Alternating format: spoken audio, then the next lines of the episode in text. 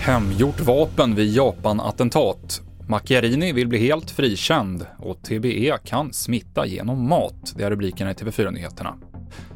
Och vi börjar med attentatet som chockat Japan idag. Landets förre premiärminister Shinzo Abe sköts under ett valtal och avled senare på sjukhus.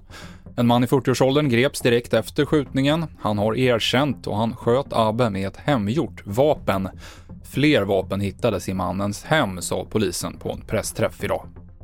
Den 32-årige man som erkänt dådet i Visby, då en kvinna högst till döds på Donners plats i förrgår, häktades idag och ska genomgå en rättspsykiatrisk undersökning.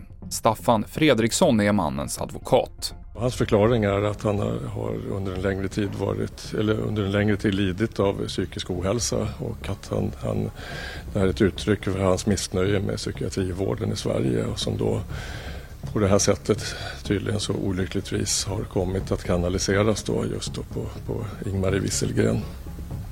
Har han haft kontakt med målsäganden sedan tidigare? Inte vad jag vet. Han medger att det är en viss planering även om det inte är särskilt välplanerat men han har haft koll på hennes eh, schema i Almedalen här då. då. Advokat Staffan Fredriksson. Skandalkirurgen Paolo Macchiarini dömdes av tingsrätten till villkorlig dom för vållande till kroppsskada i ett fall efter att han opererat in syntetiska luftstrupar på patienter. Nu så överklagar han domen eftersom han vill bli helt friad. Även åklagaren har tidigare överklagat och vill att Macchiarini döms till fängelse för tre fall av grov misshandel, alternativt grovt vållande till kroppsskada. Och sjukdomen TBE, fästingburen hjärninflammation, kan överföras till människor via opastöriserade mjölkprodukter från djur som är eller har varit smittade av TBE. En professor vid Sveriges lantbruksuniversitet säger att man i ett forskningsprojekt hittat TBE-smitta i opastöriserad svensk mjölk från kor, får och getter.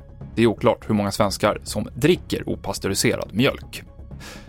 Fler nyheter finns på tv4.se. Jag heter Mikael Klintevall.